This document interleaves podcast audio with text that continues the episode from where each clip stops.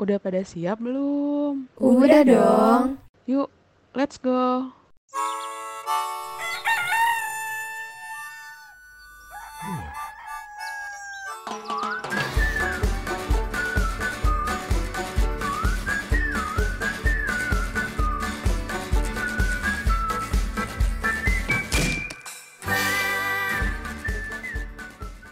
Halo Femkos. Sekarang kamu lagi dengerin iPod. IKK Podcast. Halo semuanya, selamat datang kembali di iPod dengan aku Saski dan kali ini tentu aja episode kali ini aku nggak sendirian karena ada pembicara yang pastinya keren banget. Sebelum itu aku mau ngasih tahu nih ke kalian kalau tema podcast kita kali ini adalah Catch Your Dream Anywhere. Dari temanya aja yang warga IKK pasti bisa nebak dong ya siapa pembicara kita pada episode kali ini. Kalau gitu tanpa lama-lama lagi nih kita langsung sapa aja nih. Halo Kak Rehwel. Halo Saski, apa kabar? Baik Kak, kakak sendiri gimana nih kabarnya? Aku juga kabarnya baik. Sekarang ada di mana nih Kak? Oke, jadi sekarang aku lagi tinggal di Melbourne, Australia. Wih, keren banget. Sebelum kita masuk ke topik nih Kak, boleh nih Kak Rahwel kenalin diri dulu Kak, mungkin dari perkenalan nama, nama panggilan, angkatan berapa di kakak, terus kesibukannya apa, mau berbagi pengalaman sama prestasinya juga boleh Kak. Oke, um, halo teman-teman. Perkenalkan, namaku Rehwel Hananieli Desire.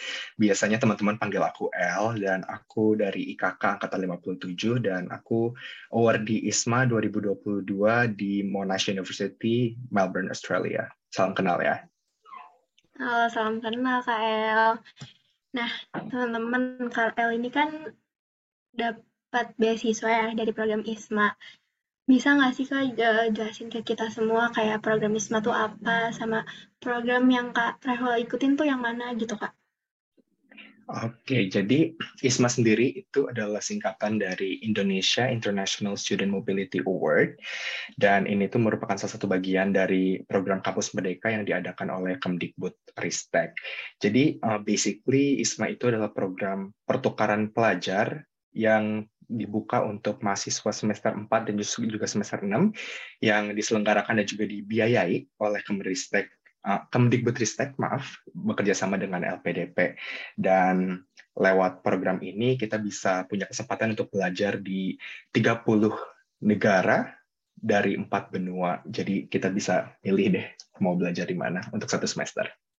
Oh, berarti kalau Kak Rahel sendiri itu ikut programnya yang dari negara Melbourne sendiri gitu Kak? Iya betul. Kebetulan uh, waktu itu aku pilihnya dari di University of Auckland di New Zealand. Cuma karena beberapa alasan, uh, mostly karena waktu untuk ngurus visanya nggak nggak nggak cukup cukup mepet waktu itu jadinya aku dipindahin ke Monash University di Australia karena kawasannya sama begitu. Kalau Kak Rahel sendiri kayak ada alasan sendiri nggak sih Kak kenapa pengen ikut program ini Oke, jadi kalau yang pertama tentunya aku dari awal kuliah tuh memang pengen banget ikut program pertukaran pelajar ke luar negeri gitu. Pengen banget ngeliat gimana sih rasanya belajar di negara lain, terus pengen ngeliat um, perbedaan dari negara-negara di luar Indonesia dan juga alasan khususnya ya. Jadi aku tuh angkatan 2020 ya, jadi kayak dari awal kuliah itu selalu kuliahnya online gitu dan karena sudah dua tahun nih kuliah online, aku kadang ngerasa kayak jenuh aja gitu.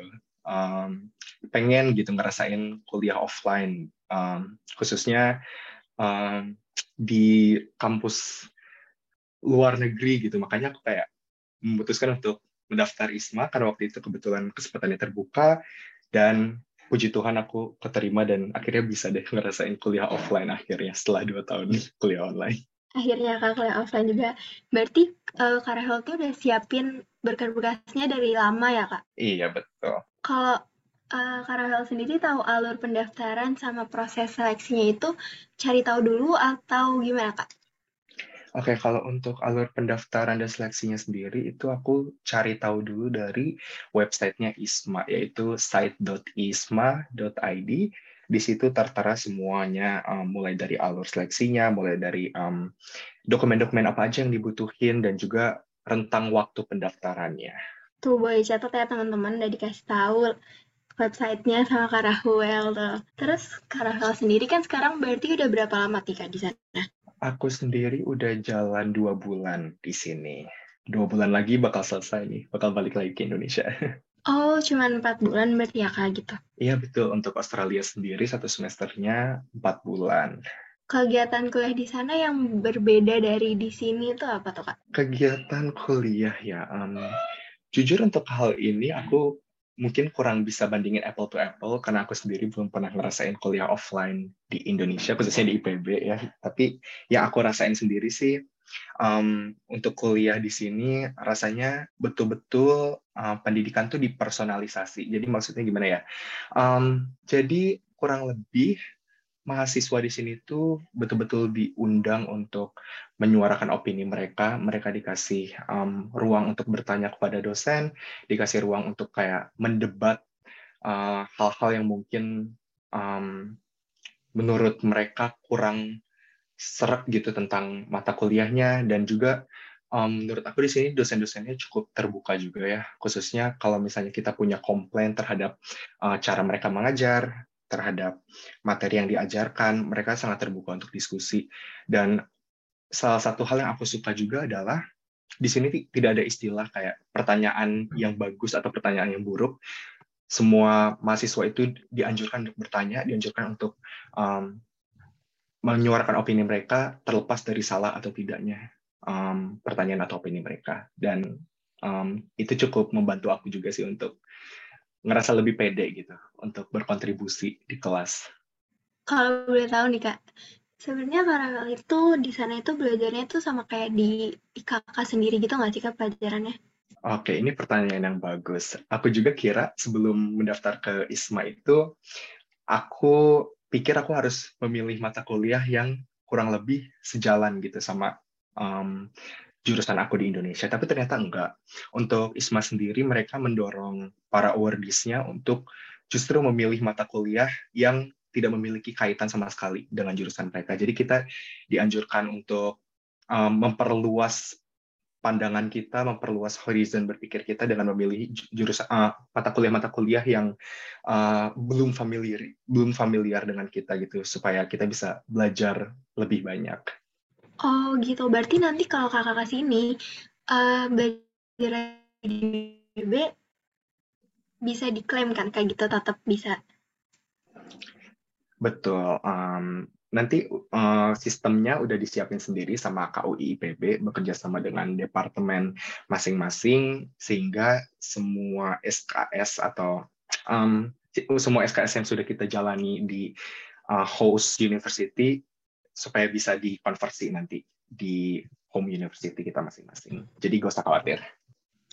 Oke tuh teman-teman gak usah khawatir yang mau daftar daftar aja gitu ya kak. Coba iya, dulu. betul. Iya betul. Dari KL sendiri ada ini nggak kak? Ada tips dan trik kalau kita mau daftar ISMA ini. Soalnya pasti kayaknya teman-teman ini juga banyak banget yang mau ikut program ini, cuman masih ragu mungkin kak.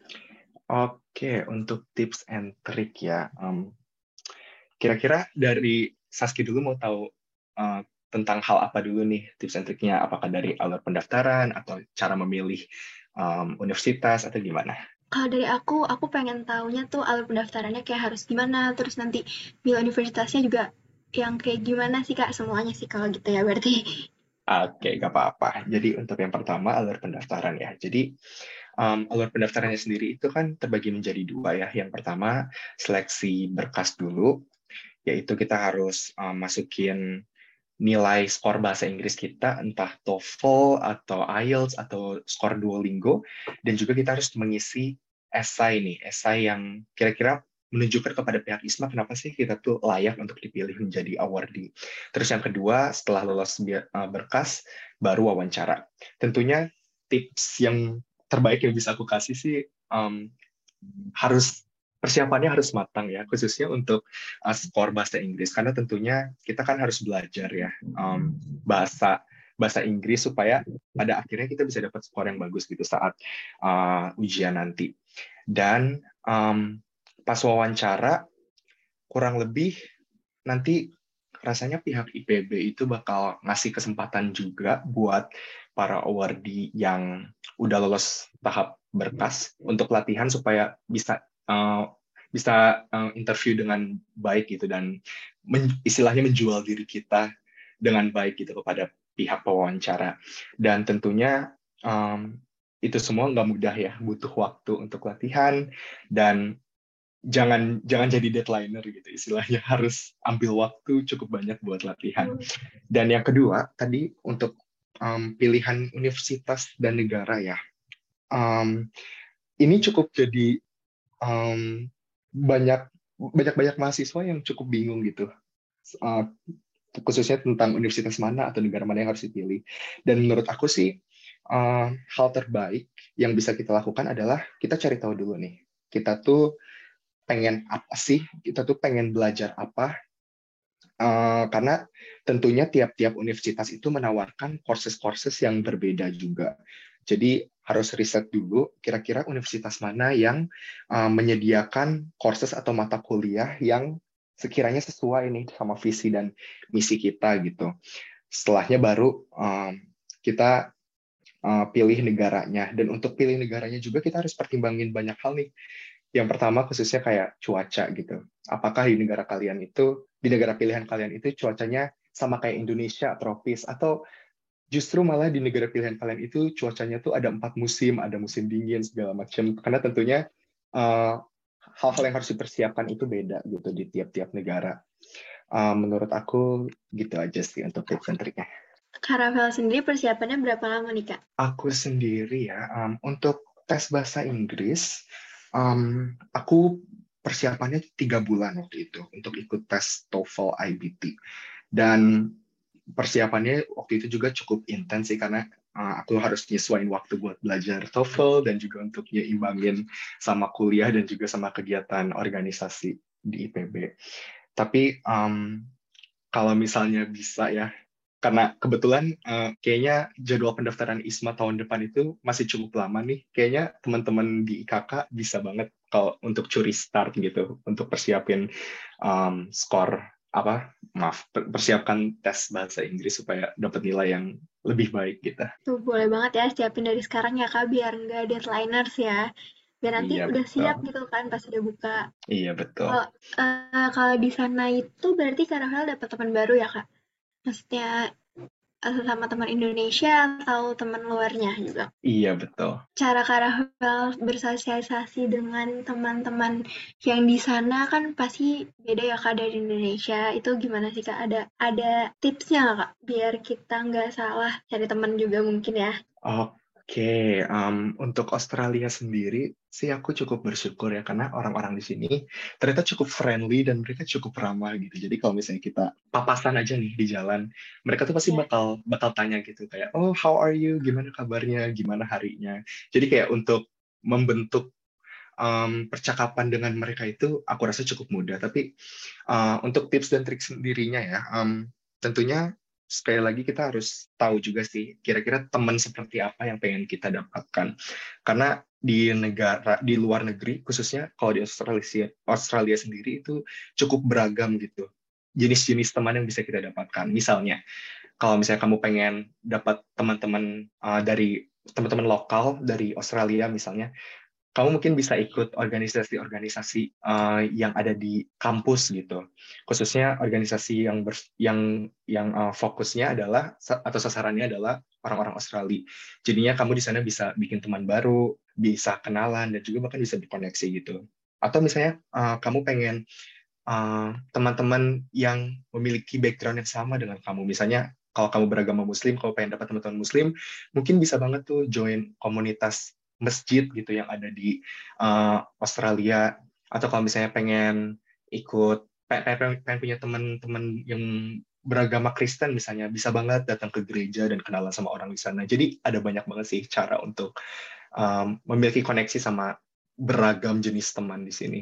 Oh, keren banget tuh, Kak. Kak Rahel sendiri kata apa nih, Kak? Aku sendiri karena latar belakang aku uh, adalah debat ya dan aku juga ikut UKM IDC di IPB jadinya aku pengen pengen juga nih kenalan sama para debaters di uh, Australia. Jadinya aku ikut Monash Association of Debaters atau kayak komunitas di Monash University yang fokusnya adalah untuk um, membina para debaters-debaters di Universitas Monash. Dan aku cukup dapat banyak teman di sana. Wih, keren banget sih, Kak. Berarti Kak Rehel ini uh, ikut organisasi itu sampai nanti dua bulan ke depan lagi gitu ya, Kak? Iya, betul. Pengennya sih lebih lama, tapi ya sayangnya ada limit waktu.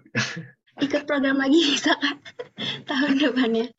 Aduh, ada bisa ya. Cuma ya sekali lagi um, kesempatan buat ikut ISMA itu cuma boleh sekali seumur hidup. Jadi kayak oh, jadi, memang harus dimanfaatkan banget. Oh, program ISMA itu cuma sekali seumur hidup, Kak? Iya betul. Kalau misalnya kamu udah pernah keterima di program ISMA tahun ini, misalnya kamu nggak bisa mendaftar lagi di tahun-tahun selanjutnya. Jadi harus benar-benar dimanfaatkan waktunya pas di sini. Wow, aku baru tahu loh kak. Mhm. aku mau nanya dong kak, selama dua bulan ini apa sih benefit yang kak Rafael rasain pas udah dapat udah bisa ikut program ini gitu di situ?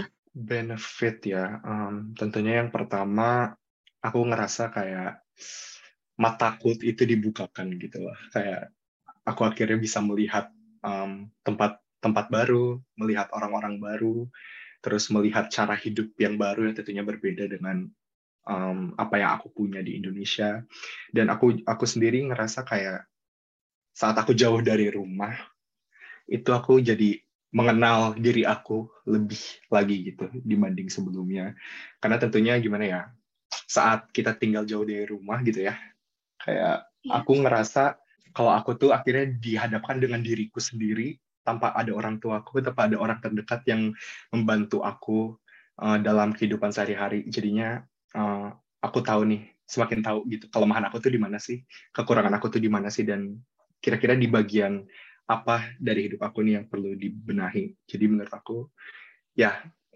uh, ini adalah perjalanan mengenal diri sendiri yang sangat baik saat jauh dari rumah gitu. Tapi senang nggak sih kak bisa ikut program ini tuh kayak dari beribu-ribu orang akhirnya dari banyak orang yang daftar gitu. Iya tentunya senang dan bersyukur banget sih apalagi kayak pendaftar ISMA tahun ini tuh kalau nggak salah ada 7000 dan yang keterima tuh wow. cuma 1000 awardee doang. Jadi tentunya ngerasa bersyukur banget sih bisa menjadi bagian dari keluarga besar ISMA. Kalau di universitas yang Kak Rafael ambil sendiri ini ada berapa orang, Kak? Uh, untuk di Monash University sendiri ada 20 awardees dari uh, berbagai universitas di Indonesia. Wow, dari situ aja Kak Rafael udah punya teman lagi dari universitas lain ya, Kak? Iya, betul sekali. Mungkin terakhir nih, Kak, pertanyaan dari aku.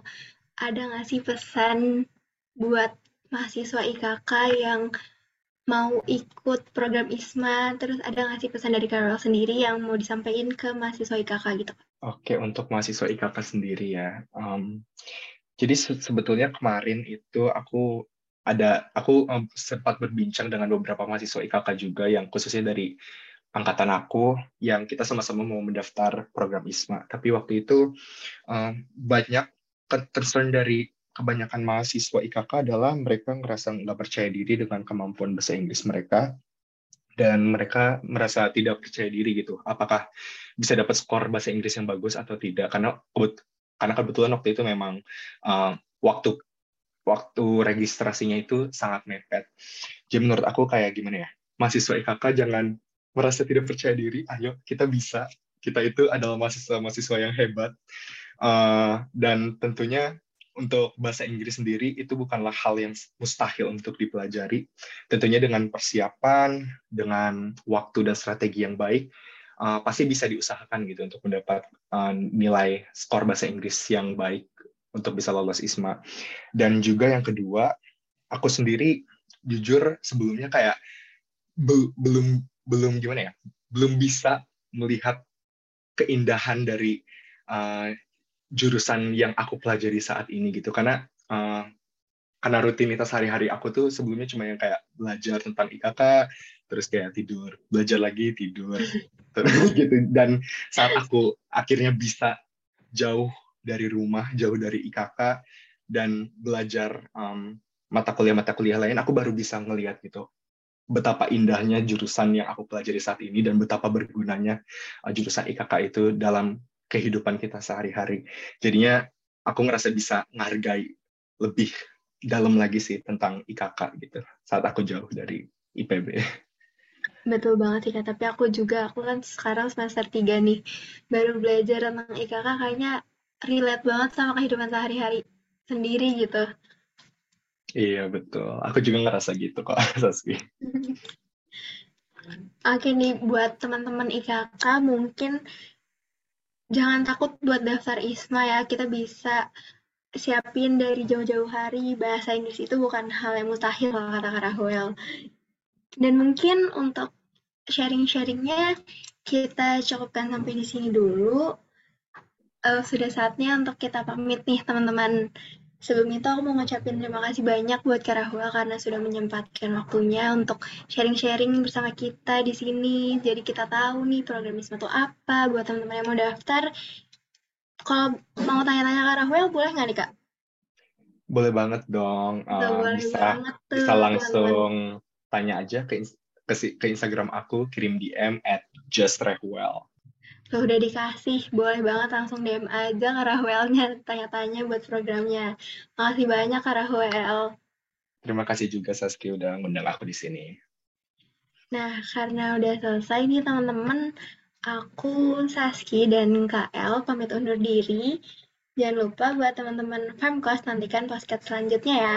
Wassalamualaikum warahmatullahi wabarakatuh. Dadah.